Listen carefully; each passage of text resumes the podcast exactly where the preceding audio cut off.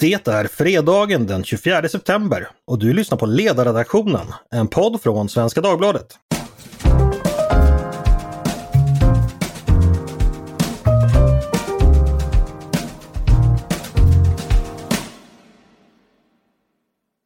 Varmt välkomna till dagens podd, fredag den 24 september alltså.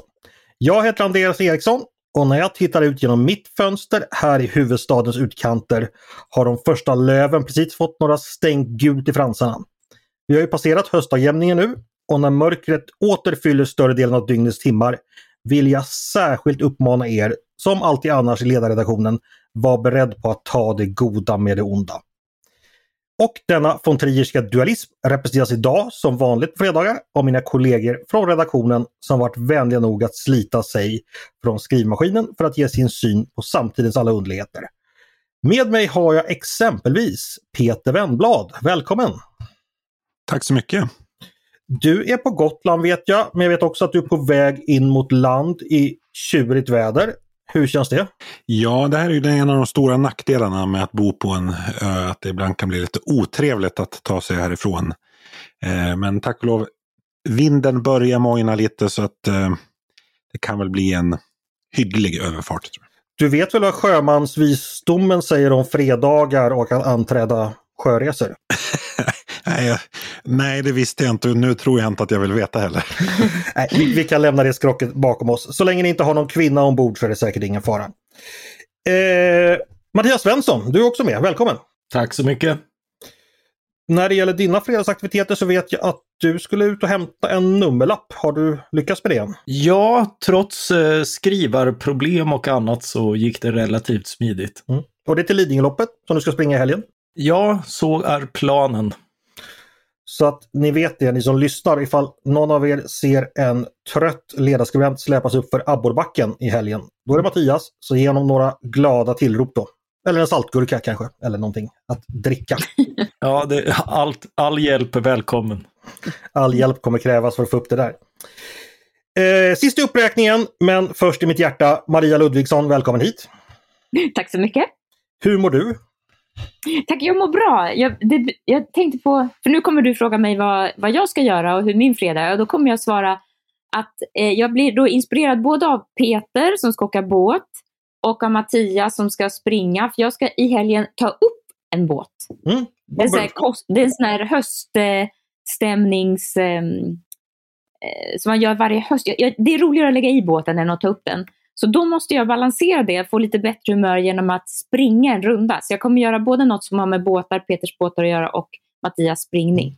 Men det kan vara ganska trevligt att ta upp båt också. Uh, ute på Landsort där jag tillbringar mitt båtliv, mm.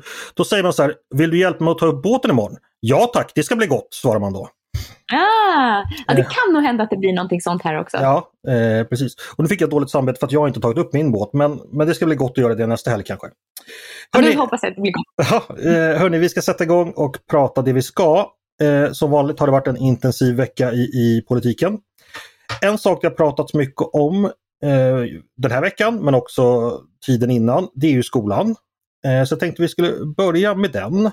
Mot bakgrund då att det nuvarande svenska systemet Eh, kom ju under ytterligare press nu sen Socialdemokraterna i veckan förklarar att man vill förbjuda vinstuttag ur skolan. Det vill säga som jag tolkar det att eh, företag som driver eh, skolor ska helt enkelt inte få dela ut sina pengar. Eh, det har ju varit liknande förslag på gång tidigare, då handlar det om vinstbegränsning, nu verkar det vara ett eh, förbud mot uttag helt och hållet. Om vi börjar där, och jag tänkte att du skulle börja Maria.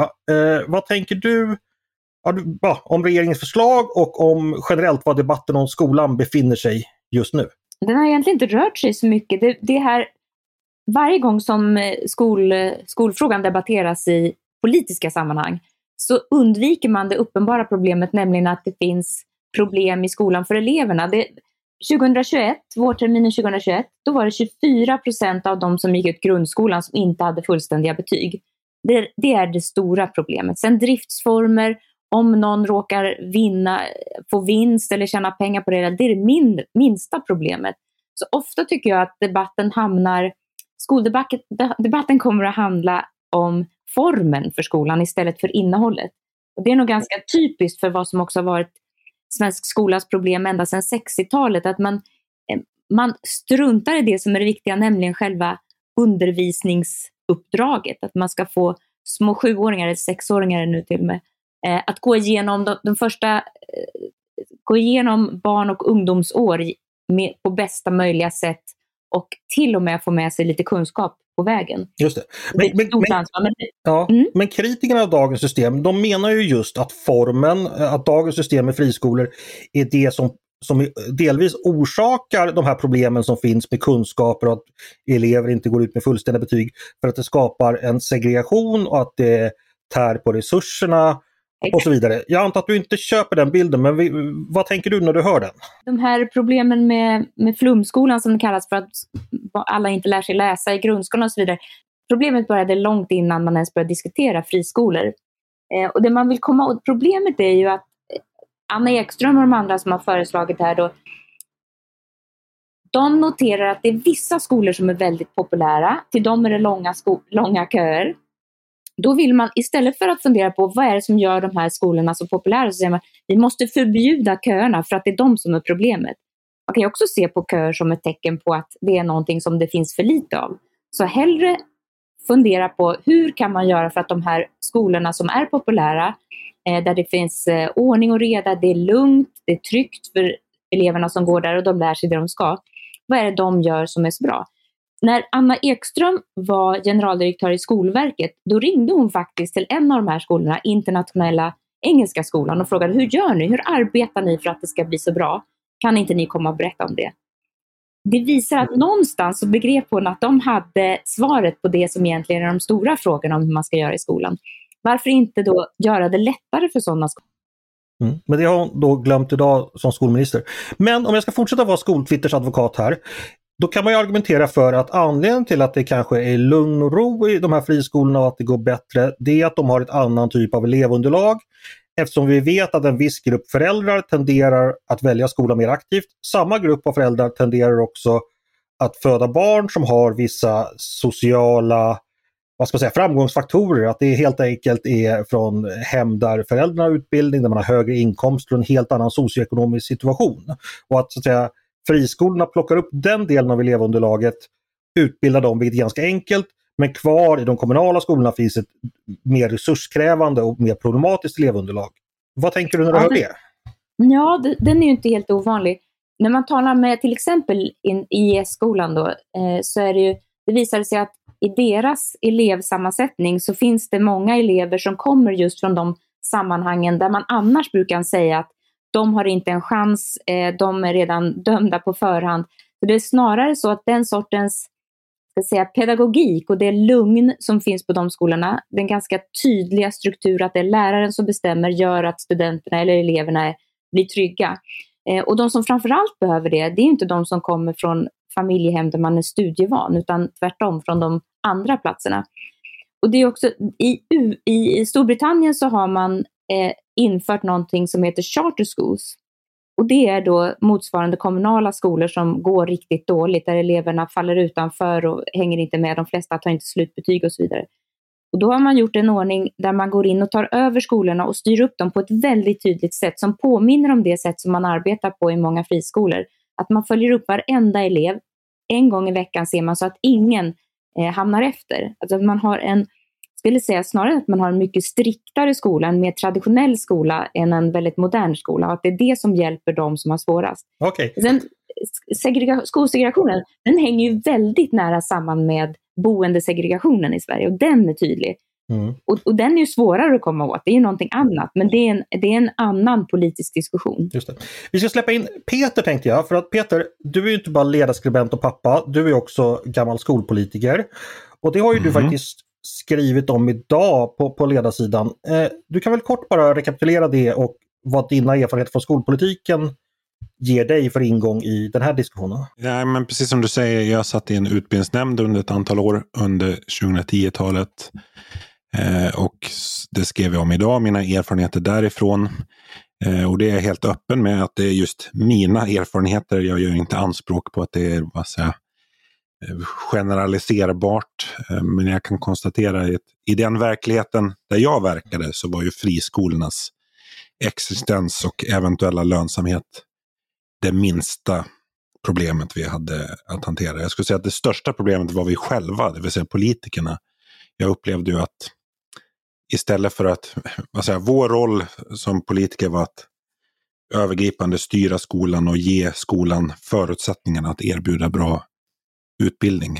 Istället gjorde vi tvärtom. Eh, vi gjorde det svårt för, för skolan att utföra sitt uppdrag genom allt ifrån att vi inte vågade fatta beslut om förändringar som professionen eh, efterfrågade för att kunna göra... Ja, rent konkret så handlade det om att vi hade många små skolenheter, eh, mycket tomma lokaler och liksom utspridda resurser som gjorde, som gjorde det svårt för, för professionen. Och det, det klarade vi inte av och det fanns ett Ja, men, så här, politiken, lokalpolitiken och politiken, demokratins idé är ju någonstans att det är amat amatörer som ska styra. Alltså det är liksom vem som helst ska kunna sitta i en utbildningsnämnd. Men men tyvärr, den erfarenhet jag tog med mig av det är att det, det är en ganska dålig idé därför att eh, fritidspolitiker med några timmar i veckan är liksom inte lämpade att styra en så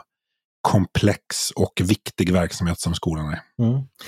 Eh, jag tänkte vi ska gå vidare ett halvt steg och börja som så ofta förr prata, inte om sakfrågan utan om debatten om sakfrågan. För att du nämnde också idag på vårt morgonmöte faktiskt att du har nu stiftat bekantskap med det här tidigare nämnda skoltwitter. Och det var ju någonting som inte fanns när du lämnade offentligheten förra gången, tidigt 2010-tal. Eh, berätta, hur, hur har det mötet varit och skoldebatten på sociala medier?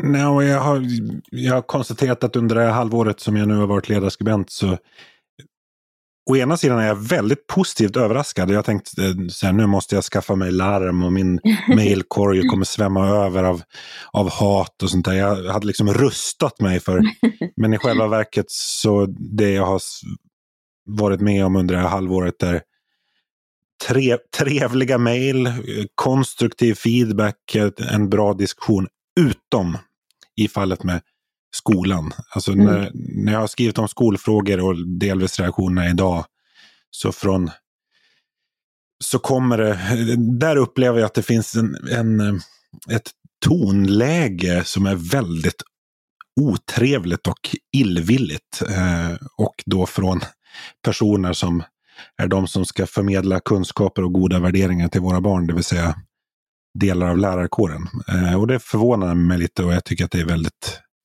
trist. Liksom. Har du någon teori om varför det är så? Nej, jag, egentligen inte. Alltså jag kan väl liksom bara konstatera att det, det är väl ett uttryck för ett eh, fenomen alltså, som man har sett på andra politikområden Eh, också. När en liksom, grupp människor eh, tycker sig ha liksom, vad säga, genomskådat verkligheten, sett sanningen, eh, när man liksom gaddar, förstärker varandra hela tiden så, så tappar man, till, det, det, är ju en form av sektbeteende. Liksom. Och jag tycker i den grupp som kallar sig kritiker av den så kallade marknadsskolan så finns det den här självförstärkningsbeteendet eh, och där de som då säger emot eller har en annan uppfattning som ska stötas ut. Mm. Vi får se hur, hur, de kommer reagera på att du har kallat dem sekt. Jag tänker ju när jag hör din beskrivning av det här om en annan politisk fråga och jag, då tänker jag på hur invandringsmotståndet slog igenom inom, ja, främst inom borgerligheten kanske, men även generellt eh, bland många politiskt intresserade ja, i början på 10-talet. Eh, Mattias, minns du den tiden när vissa människor också ansåg sig ha sett sanningen, sett igenom lögnerna och ja, började också självförstärka varandra i att skapa sin allt tydligare och högre röst. Ja, det är ju en likhet jag noterat i, i både tonläge och beteende, mm. att, att allting blir en enda fråga. Uh, och, uh, och för en del, som du säger i början på 10-talet, så blev det frågan om massinvandringen. Uh, och, och det var den långt före 2015 när, när, när det kom väldigt många. Uh, och, uh, och, och, det var liksom vad man än skrev om. Uh, det, det kunde nästan vara vackert väder idag. Ja, men massinvandringen då? Marknadsskolan! det ja, jo, men exakt. exakt. Idag är det marknadsskolan. Eh, nästan oavsett eh, vad jag skriver om så får jag eh, folk som vill ösa ur sig långa haranger om att det finns friskolor. Och det här begreppet marknadsskolan är ju så otroligt fånigt med tanke på att marknadsinslaget är ju högst begränsat. Det är ju en offentligt kontrollerad, i de flesta fall offentligt utförd, offentligt utvärderad och offentligt styrd verksamhet som tillåter en del privata företag att verka. Och, och frågan är om de företagen inte, inte är för styrda och kontrollerade snarare än, än, än liksom eh, för fria. Det, det, det, är en, en typisk vad ekonomer kallar kvasimarknad med de typiska problem eh, som det medför. Och, och, vi ser ju snarare här att, att eh, ja, utfallet är på många sätt mer problematiskt och sämre än, eh, än den innovationskraft, utveckling, prispress som vi ser på eh, avreglerade fria marknader. Mm. Men, men det, är ett, eh, det, det, är ett sidospår, men, men, men det, är, det är en del som hänger upp väldigt stora delar av sin sin tillvaro på att det här är förklaringen till, till liksom allt ont ja. i, i världen just nu. Det vore väldigt praktiskt om det var så. Att man ja, eller hur? förbud så ska allting bli bättre. Förbjud kö, så slipper vi köer, då får alla plats. Och förbjud vinst, så är det ingen som kommer ta ut vinst och då kommer det finnas pengar till allt. Det vore jättebra. Men, men, men sen, sen, upplever jag att det är väldigt svårt att säga, navigera i den här debatten. Alltså den handlar om så många olika saker samtidigt och ibland tror jag inte ens att de som deltar själva i diskussionen vet vad de egentligen diskuterar. Så vi har liksom frågan om själva skolvalet. Mm. Eh, och skolvalet, det, det, fria skolvalet, det är ju även ett uh, möjlighet att välja mellan olika kommunala skolor. Det har egentligen med friskolesystemet. Vi har liksom skolpengens utformning, vi har vinstfrågan, ja. eh, där liksom allt geggas ihop trots att det egentligen inte alls finns någonting som säger att det jag tycker om det, vad säger, vinstfrågan styr vad jag har för uppfattning i i, när det gäller skolvalet. Mm. Det är väl också kanske en liten likhet med frågan då, om vi ska kalla den invandringsfrågan, att väldigt, väldigt mycket syltades ihop till en stor smet där man drog väldigt stora slutsatser. Ja, ja absolut. Där, där blandades ju liksom asyl och Eh, och eh, arbetskraftsinvandring och, och det blev liksom en fråga för eller emot. Det, det blev svårt att ta upp enskilda aspekter som hur det ser ut på mottagningar för minderåriga och vilka det är som kommer till den typen av verksamheter. Så, så det, det, var väldigt svårt att bringa ordna, ordning också i den debatten. Så jag känner definitivt igen Peters mm. beskrivning här. Men då undrar jag så här, invandringsfrågan blev ju innebar ju en politisk revolution i Sverige. Vi fick ett nytt jätteparti. Eh, det knäckte borgerligheten. Det kommer förmodligen, resterna kommer vi leva med några mandatperioder till. Finns det en risk att skoldebatten på motsvarande sätt kommer vinnas av nya politiska krafter som kommer ställa ordningen på ända på ett annat sätt? Alltså får vi ett 2015 för skolpolitiken då allting plötsligt vänder radikalt och det blir hela havet stormar och plötsligt tycker rusar alla åt ett helt annat håll. Finns det någonting som talar för det? Nej, säger jag. Nej, säger du. Det, det jag säger nej. Varför inte? Det, det är möjligt att vad ska säga, det finns de eh, förutsättningarna för ett liksom politiskt kast. Men här tror jag att det finns ett motstånd från professionen, alltså från skolan. Så skolan är redan otroligt reformtrött. Ja. Eh, alltså, oavsett om, vad ska säga, om, om vi nu ska klumpa ihop det under, under beteckningen skoltwitter, har, har rätt eh, och att liksom skolsystemet borde stöpas om, eh, närmast genomgående revolution. Så tror jag skolan är inte, orkar inte, den vill inte, den tycker inte att det är värt det. Eh, utan vill det har hänt så mycket de senaste, det har gjort så mycket, experimenterat så mycket i skolan de senaste 20 åren att inte en gång till. Liksom. Mm. Sen så är det väl många av dem som, eh, som har sina barn i friskolor eller har fått välja, som har kunnat lämna en skola där det inte har varit bra till att gå till en annan. De är ganska många. Det börjar liksom bli en stor grupp som också erfar det här systemet och tycker att det är bra. Just det. Nu har vi pratat jättemycket om skolan. Eh, en reflektion bara till om det finns några där ute som tillhör skoltwitter som inte har slängt ut eh, poddhörluran genom fönstret och stampat sönder datorn än. Så ska jag säga så här att jag tycker självfallet det är bra att duktiga, kunniga människor hittar varandra på sociala medier. Man kan jämföra exempelvis med försvarsbloggarna och försvarstwitter som under några år faktiskt själva bar hela debatten om svensk försvarspolitik och höll den levande eh, på ett väldigt bra sätt. Och som nu liksom politiken har kommit ikapp. Så att eh, det är jättebra att prata politik på, på sociala medier. Ja, men det där tycker jag är en jätteviktig poäng. Alltså för man kan jämföra med, jag är ju väldigt intresserad av, av energipolitik. Eh, och där finns det ett antal twittrare som man då skulle kall, kall, kunna kalla för energitwitter som har tagit på sig uppgiften att vad säger, förklara hur det här väldigt komplexa systemet. Men de gör det ju på, de gör det ju inte på ett självtillräckligt vis. De gör det därför att de vill att fler ska förstå hur saker och ting eh, hänger ihop. Och de liksom eh, de brännmärker inte de som ifrågasätter. Eller har, så det, det, är ju, I skolfrågan har det blivit en liksom, trots att det då ska vara pedagoger så är det kanske den liksom mest opedagogiska delen av Twitter. Men det kan ju också bero på att alla har åsikter om skolfrågor. Eh, medan, medan så kanske inte riktigt är fallet i eh, energifrågor, även om det är någonting fler borde engagera sig i och läsa på om. Ja, ja men det är sant. Alla, alla, äger skolfrågan men inte energifrågan. Precis, alla har ju gått i skolan och minns hur otäckt ja. lektor Larsson var mot den. Så man har ju alla svar själv i sitt eget minne ibland. Liksom. Alla äger ju inte sitt eget kärnkraftverk och har samma liksom, intimitet med de frågorna. Snart så. Snart, så. Ja, precis, snart kommer kvarterskraftverken. Kvart, kvarterskärnkraft Twitter kommer snart uppstå under Peter Wemblads ledning.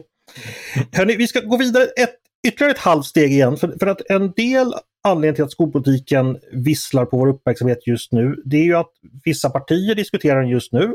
Ett parti som faktiskt har stämma medan vi pratar just nu, det är ju Centern. Detta urgamla parti som grundades redan tidig vändeltid av odalmän som tyckte att axeln blev till limpa alldeles för långsamt. Det är ju ett tag kvar tills deras eh, kongress eh, urartar i fylla och korridorspring. Vad tror ni man kommer landa där och betyder det någonting för skolfrågan?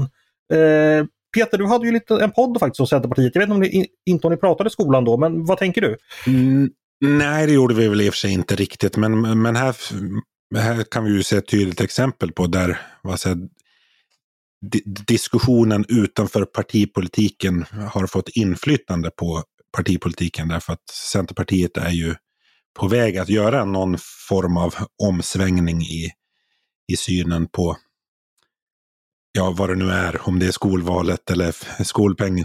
Mattias, vad tänker du om Centerpartiet och eventuella svängningar i skolfrågan?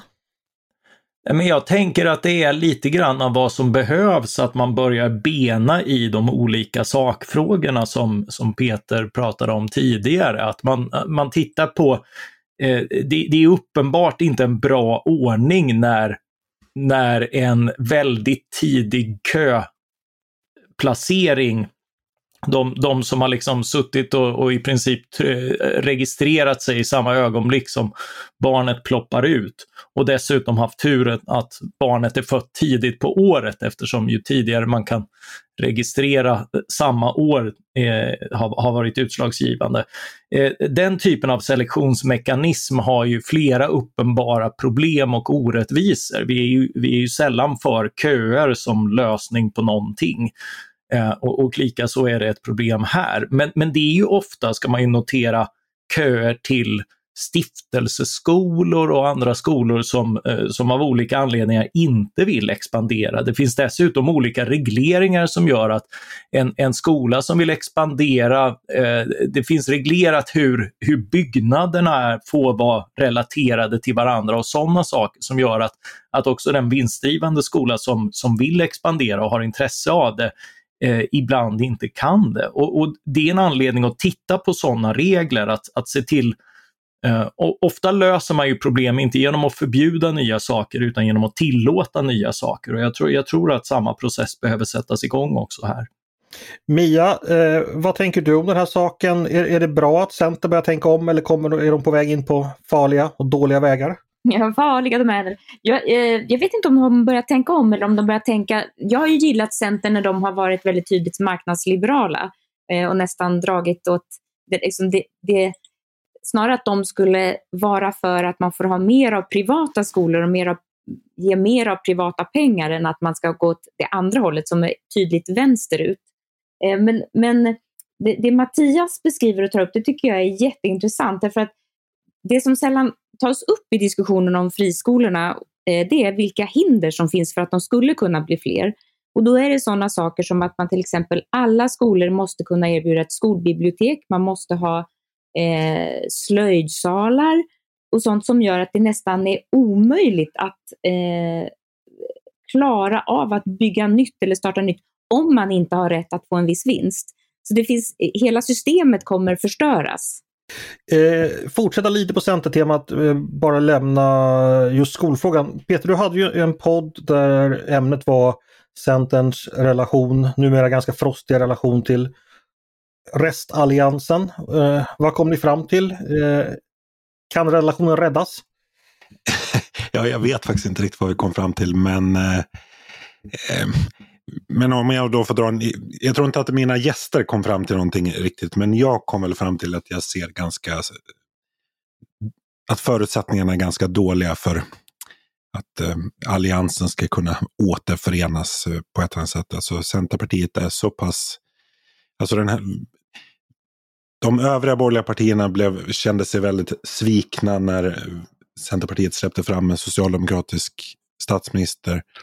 Och det finns även en ömsesidig bitterhet och sårighet över hur, hur ja, kanske framförallt moderater har reagerat och behandlat centerpartister för det val eh, de gjorde. Så att, jag, tror, jag tror både liksom i känslomässigt och rent eh, praktiskt utifrån de positioner man har låst sig i så är det, så är det väldigt svårt. Ja, på, tänker på ett rent mänskligt plan att man helt enkelt har blivit osams med varandra och, och sårat varandra, att det också spelar roll? Ja, det är klart det gör. Alltså, politik är ju eh, man brukar säga att politik är en förtroendebransch, det vill säga att man måste ha väljarnas förtroende, men också ett, i ett samarbete så måste det finnas eh, förtroendefulla relationer. Så i, till syvende och sist är den politiska vardagen väldigt personberoende. Eh, människor som måste gå, gå ihop, människor som måste vara förmögna att lösa konflikter och, och hitta kompromisser. Och liksom finns det ett, när, när då utgångsläget är att man känner en misstro till varandra så blir det svårt. Alltså det illustrerar ju alltså redan den sittande regeringen. Eh, det finns inte ett förtroende mellan Socialdemokraterna och Miljöpartiet. Eh, utan man hela tiden vad säger, passar på varandra. Liksom. Eh, och det är inte ett bra sätt att bedriva det politiska arbetet. Mia, du skrev ju en text vill jag minnas, inte den här veckan men förra, eller möjligtvis förrförra, som handlar om Centern och att Moderaterna skulle försöka locka tillbaka dem lite politik. Vad blev reaktionerna på den texten? Mm, det, det, de flesta tyckte att jag hade fel. Eh, därför att de som hör av sig i de här sammanhangen, de är väldigt arga och bittra på Centerpartiet. Det är, som, det är ganska hårda ord och ett väldigt högt tonläge när man diskuterar både Annie Lööf och Centerpartiet, att de, är, de anses av många som är borgerliga som riktiga svikare. Och att det där, eh, jag är förvånad över att det här verkar vara ett sår som är så djupt så att jag undrar om om man ens, och, det är också märkligt för att det blir så känsloladdat. Även om man då säger, men om, om syftet, det viktigaste nu är vilken politik vi kan enas om för att det ska bli bättre för, i Sverige, så, så landar det ändå i, ja men Annie Lööf svek en gång. Alltså det är väldigt eh, känsloladdat och sådana diskussioner, sådana debatter är ganska svåra tycker jag, därför att det blir väldigt lite eh, diskussion om sakfrågor och eh, någon sorts intellektuell hedlighet, vad man tycker är rätt och fel. Och så handlar det istället om politisk historia och vem gjorde vad mot vem. Så det, väldigt, eh, det handlar väldigt mycket om eh, sveket som de kallar det, istället för att se då vad är det Centerpartiet faktiskt har som behövs i borgerligheten? Mer av marknadsliberalt tänkande. De har varit tydliga både i bostadsdebatten tidigare, eh, arbetsmarknadsfrågan och det är sådana här frågor där de, de försökte driva igenom rätt sorts politik men det är klart att Socialdemokraterna aldrig skulle eh, bidra till att det reformerades. Och då var min poäng att varför kan inte övriga, övriga borgerliga partier erbjuda eh, den sortens borgerlig politik som Centern vill ha som Socialdemokraterna aldrig kommer kunna ge dem. Mm, just det. Eh, Mattias, har du någonting att tillägga? Du brukar ju alltid ha en svag sida för, för Centern vet jag.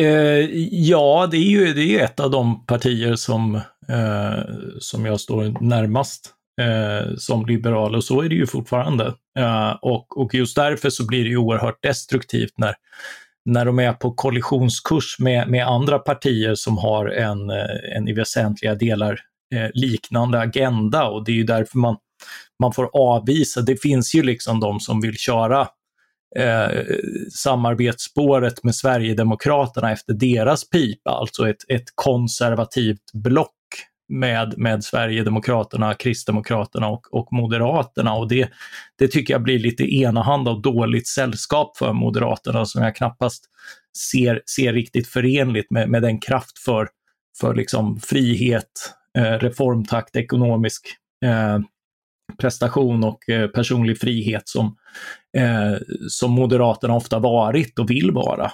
Eh, så, så, eh, och, och, just också just också ambitionen att kunna samarbeta med alla. Vilka är då alla? Vilka är det man, man, man skulle kunna genomföra väldigt mycket med eh, utöver de, eh, de man har regeringsunderlag med? Jo, det är ju Centern. Så, så det finns ju alla anledning att, att, att vårda de relationerna om man, om man menar vad man säger. Just det. Och, och ett borgerligt block utan folk, förlåt, Liberalerna skulle naturligtvis vara förkastligt också för någon måste ju tänka åt alla också. Så det får man också komma ihåg. ja, och jag tycker också att det, eh, ska, ska man eh, förhandla med Sverigedemokraterna så unnar jag dem lite grann att behöva förhandla med folkpartister, för det är inte det lättaste. Hörni, vi ska gå vidare till dagens eh, sista, näst sista ämne. Men vi ska ta en liten kort uppdatering om den här historien med Cementa som vi ju från ledarredaktionen följt ganska nära. Peter, du har ju avslöjat en del intressanta grejer de senaste veckorna. Det har hänt lite mer. Kan du ge oss en kort update? Eh, ja, jag ska försöka. Det som har hänt eh, är ju att regeringen har valt att gå vidare med den här speciallagstiftningen för att kunna skjuta problemet framför sig ytterligare några månader och förlänga Cementas eh, tillstånd. Det är det ena.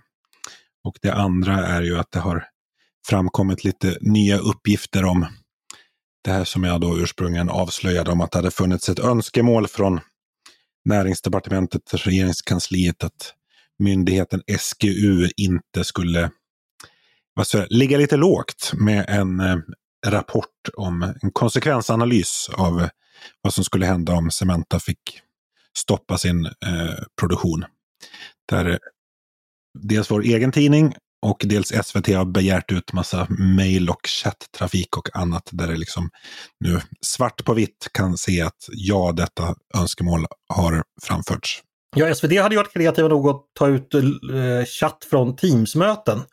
Det är där, distansarbetet ja. ger ju verkligen grävande journalister nya möjligheter att snoka i andras affärer. Så det, det är vi tacksamma för. Ja, men jag är lite imponerad över att, eh, att SGU, eller om det nu är SGU eller näringsdepartementet, har sådana eh, rutiner att de faktiskt diarieför eh, alla de här, nu när det finns så otroligt många kanal, möjliga kanaler att uh, kommunicera genom så är det är ju inte alldeles lätt att upprätta rutiner som fångar in all den här trafiken. Det måste bli helt omöjligt om man ska fånga in allting sånt, alla dessa kanaler som finns. Ja, men det är men, bra för oss som vill göras. titta. Ja, det måste göras och det är bra för eh, en omvärld som vill granska dessa myndigheter. Så att det är vi tacksamma över. Ja, men tack Peter, en liten kort. Vi får säkert anledning att återkomma till det. Då är det dags för det dagens sista ämne eh, och då ska det bli lite rundfrågor. Det var ju nämligen så att eh, i veckan så kom ju också en utredning som har letts av eh, Björn von Sydow, den gamla försvarsministern. Där han utrett eh, tre väldigt trevliga och intressanta frågor. Ett gäller det statliga belöningssystemet där då ett förslag är att ge ordnar till svenska medborgare, en möjlighet då som har varit borta sedan 1970-talet ska återinföras. Vi ska dela ut ordnar igen. Dels att antalet flaggdagar ska revideras lite Och så var det en tredje punkt som handlade om någonting med, med hovets anslag. Det, det kan jag inte så noga. Men, men i alla fall två väldigt intressanta punkter. Och nu gäller det att hålla tungan rätt i mun för att vår chef då, Tove Livendal, hon var mycket orolig för att vi i vår diskussion om ordnar och flaggdagar kommer råka, genom vår okunskap, kommer råka vanhelga dessa nationella ritualer och sakrament. Och att hon kommer få ett argt samtal från hovet eller riddarhuset eller någon annan av de här symbolvårdande instanserna. Och eh, ja, man kommer helt enkelt vara missnöjd med att den liberalkonservativa tidningens ledarredaktion helt enkelt inte har koll. Så att, tänk nu på vad ni säger. Men, men för att eh, jag skulle nämligen vilja veta då att Björn von Sydow, han föreslår ju att vi ska ha en ny flaggdag, nämligen val till Europaparlamentet. Eh, han hade övervägt lite andra, eller utredningen hade övervägt lite andra flaggdagar. Exempelvis en flaggdag för att hylla att det var 100 år, eller när demokratin infördes i Sverige. Men så valde man att lägga den på 6 juni. Så 6 juni ska i framtiden både ska vara demokratins dag och, och svenska flaggans dag och nationaldagen. Eh, sen kommer man också ta bort lite flaggdagar. Eh, men om ni skulle få välja en ny flaggdag till svenskarna, vilken skulle det vara då och varför? Eh, och ni har fått förbereda den här frågan så att ni blir inte så överraskade. Så jag förväntar mig genomtänkta svar. Eh, jag börjar med dig Mattias, vad säger du? Oh, eh, ja, alltså jag, tänkte ju, jag tänker ju att flaggdagar är sådana här liksom festliga tillfällen och sådär. Men när jag tittat på dem så har jag noterat att, att det är rätt elaka dagar som snarare är bakfulla tillfällen. Det är, det är inte nyårsafton utan nyårsdagen och det är påskdagen och pingstdagen och... och eh, du är ofta bakfull på pingstdagen? Nej, inte. Det är folknykterhetens dag så man måste ju ta någonting. Men, eh, eh, men midsommardagen till och med, liksom. det är inte midsommarafton utan midsommardagen. Eh, och och det, det kan jag tycka är lite elakt, men det är väl för att de vet att folk är hemma och kurerar sig så de kan hissa flaggan. Liksom. Det är ungefär vad man klarar av. Eh, så, eh, så det verkar, det verkar finnas en del att göra om man vill göra flaggdagarna till, till de festliga dagarna som de, de ju ofta är sådär. Eh, så, så skulle jag ta bort någon så skulle jag ta bort Nej, någon. Nej, skulle, du skulle lägga till en nu. Det var det första ja, frågan. Ja, var det första frågan? Ja. ja. men i så fall så är det valborg därför att jag tycker att det är, det kanske, nu är ju det flaggdag men det är ju på grund av att det är kungens födelsedag och det kan ju Eh, det kan ju ändras med tiden, men valborg tycker jag är en sån där fantastiskt fin eh, traditionell högtid eh, som välkomnar våren och återupprättar hoppet och sånt där. Det är, det är en typiskt festlig dag och så då inte ha det på bakfylledag. Eller jag får förstås inte säga det, men det kan man ha också. Men det är klart att eh, valborgsmässoafton ska ha en mm. flagga. Mm. På landet har vi en tandläkare, han flaggar varje dag förutom första maj. kan jag säga. Snygg markering! eh, ja, vi går vidare till dig Mia. Vilken flaggdag vill du införa och varför? Men det kunde inte jag fått börja, för jag hade också tänkt på valborg nämligen. För valborgsmässoafton tycker jag är en sån där, det är verkligen en högtid för då firar man våren och det är studentsånger och det ingen kan vara sur och det finns ingenting som säger att någon måste vara emot det. Så jag också mm. Men som alternativ då, för jag hade ett extra ifall någon skulle sno den, så kan jag tänka mig 20 december då när Svenska Akademin har sin högtidsdag, eller högtidsstund, mm. eh, så skulle man in, kunna införa att man har flaggar och firar svenska språket. Så det, det var fint. Ja men visst var det, det var väl en kreativ idé. Jättetrevligt förslag. Får, får jag avskaffa någon också? Ja, det ska vi ta en ny runda sen, ja. så du får vänta lite. Eh, Peter, ny flaggdag, vilken? Eh, jag vill faktiskt, jag går lite på samma spår som Mattias, det vill säga att man ska flagga vid ett festligt tillfälle. Så jag vill helt enkelt införa 12 nya flaggdagar. Nämligen löningsdagen. Da, idag ska, borde vi flagga och alla andra eh, löningsdagar. Det är ju trots allt den, den dag i månaden då humöret är på topp. Det, det är arbetslinjen det. Ja, ja det, exakt. det, det, det, här tror jag kommer gå ograverat genom riksdagen. Det är bara att lägga ett medborgarförslag. Mycket bra. Eh, jag tycker då att man ska flagga första måndagen var tredje månad klockan tre i fem minuter samtidigt som vi blåser våra larm. Då kan vi passa på att hissa flaggan också för att visa att vi beredskapsandan Beredskapen är god. är god. Ja, ni ska få ta bort en flaggdag också. Eh, jag har sagt då regeln är att man får inte ta bort första maj, eh, för det skulle ni välja då. Så att, vad säger du Mattias? Eh, jag, jag, jag, tyckte det var tungt med alla de här dagarna, men jag inser att det blir för råddigt att ta in i det här. Så, eh, så liksom, jag, jag kan... Eh, an, antingen får jag förlika mig med, och, och det här med kronprinsessans födelsedag tyckte jag var lite överflödigt, liksom namnsdagarna, men de ryker ju nu, så jag tänker att vi, vi skippar FN-dagen, för det är ju liksom mest ett politiskt korrekt påfund. Mm, jo. FNs betydelse är ju betydligt överdriven. Att, att de, vet ni att FN är alltså då, i Sverige har man ju alltid fått lära sig att det var en organisation som bildades efter andra världskriget för att folk ville ha fred i största allmänhet. Men FN är ju namnet på den koalition som besegrade axelmakterna under andra världskriget. Och det är någonting som jag faktiskt inte fick lära mig i skolan. För det förklarar varför Sverige inte var med i FN från början. Vi gick ju med först 1946. Det var ju för att vi var ju neutrala i FNs strid mot mot ondskan helt enkelt. Det, det tycker jag är lite intressant. Ja, var var vi någonstans? Eh, Peter, vad vill du, vad vill du eh, avskaffa? Ja, nu stal ju Mattias min, eh, min eh, avskaffade flaggdag. Men eh, jag, jag var ju också, eftersom jag är så obildad, så var jag tvungen att kolla upp vad vi har för flaggdagar. Då insåg jag att vi har något som heter Gustav Adolf-dagen. Det vet inte jag, ärligt talat, jag vet inte ens vad det är. Du får äta slaget, slag, Gustav II Adolf blev med tiden tämligen fet som Fryxell skrev i Folkskolans lärobok. Och då den 6 november 1632 eh, så stupade han under ledning av Smålands ryttare när han eh, mötte den kejserliga armén under Tilly vid, vid Lützen och eh, eftersom han var en högt älskad av det svenska folket för sin uh, kärlek till folket och sina krigsframgångar så har vi ända sedan dess firat Gustav Adolfsdagen. Numera mest ihågkommen i form av en bulemisk bakelse i Göteborgstrakten som man varje, varje år äter. Men nu chockerar du mig faktiskt Peter. Det här, nu kommer ju jag, Tove få jag, arga adjunker. I... ja, så, så jag, jag, visste Gustav Adolfs eh, dödsdag men eh, visste inte liksom att detta föranledde flaggning. Så då kan jag känna att den känns något om möjligt något min ännu mindre relevant som flaggdag än kronprinsessans namnsdag eller någonting sånt ja. Vi har alltså då kallat skoltwitter för, för sekt, jämfört med rasister och nu så kan vi inte slaget vid Lützen. Alltså jag misstänker att större delen av svenska folkskollärarkåren dött i hjärtslag vid det här laget. Eh, Mia, sl slutligen du då, vad vill du ta bort för någonting? Då, då, måste jag få införa en flaggdag för folkskolläraren. Ja. Jag hade faktiskt också tänkt på både FN och så tänkte jag om Mattias hinner ta den, vilket han gjorde, så skulle det vara Gustav II Adolf-dagen och då tog Peter den. Så jag vet inte vad som ryker nu och första maj får man inte heller ta. Nej, ta Nobeldagen då bara för att vara... Nobeldagen. Du, det tänkte jag faktiskt, för då kan jag byta den från Nobeldagen då till eh, Svenska Akademins högtidliga dag då den 20 december, så är det ändå inom samma härad. Ja, jättebra. Hörrni, dagens sista fråga. Ordensväsendet då eventuellt på väg tillbaka enligt förslag. Eh, ja, det har ju inte försvunnit för man har ju kunnat ge det till utländska medborgare men nu ska även svenska få det. Vem vill ni ge en orden och varför? Och vill ni briljera riktigt mycket nu får ni också säga vilken av de fyra ordnarna ni vill ge till den personen. Då får eh, Mattias börja.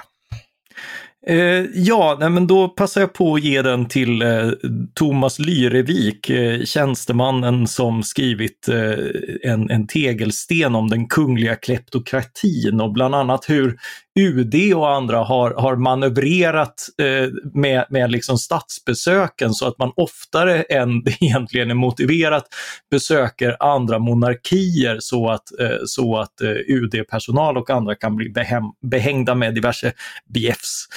Eh, så det vore kul om han fick en orden eh, för, för sin granskning av en del av den offentliga apparaten som inte granskas tillräckligt. Mia, vem vill du belöna med en statlig orden och varför? Mm. Den skulle jag i sådana fall ge till Elise Lindqvist. Hon har även kallats för ängen på Malmskillnadsgatan. Det, mm, det. Jag tycker att ordnar ska gå till dessa de minsta som också uträttar någonting extraordinärt. Hon har verkligen vigt sitt liv. Först blev hon själv eh, utnyttjad sexuellt redan som liten och sen kom hon Eh, i kontakt med Klara kyrka i Stockholm och därifrån så började hon då ett nytt liv och, och, hjälper andra som är utsatta. Hon gör fantastiska insatser. Hon är en sån som är värd en orden. Absolut, det var inte bara Klara kyrka hon kom i kontakt med, hon kom också i kontakt med Gud och blev frälst. Och eh, jag har intervjuat henne, det är, det är en fantastisk kvinna. Eh, jättebra. Peter slutligen då, nu får du dela ut en, ett eh, orden. Ja, och jag vill dela ut en orden till flera tusen människor faktiskt. Nej, men på allvar så eh, nu lyfts ju de sista restriktionerna här, pandemirestriktionerna i eh, nästa vecka. Och det är liksom någonting som jag har reagerat över att från vad säger, politiskt håll eller från statsmakten att det har inte tagits några initiativ. Alltså, pandemin har liksom bara ebbat ut. Alltså det har ju trots allt varit en gemensam kraftsamling där människor har eh, offrat både mycket av frihet och för vissa har det kostat massa pengar och det är vårdpersonal som har, har slitit. Alltså jag tycker det finns massor av människor här som, som eh, kanske vi alla till och med, som borde uppmärksammas för, för vår kollektiva insats för att eh, ja, både skydda oss själva och eh, skydda andra. Så att det får väl bli någon, eh, jag vet inte, ko kollektiv Vasaorden eller sånt där. Vasatrissan till alla, fantastiskt. eh, det blir Tegnell präglad på en Ja, Tegnellorden. Den, kan jag vara utan faktiskt.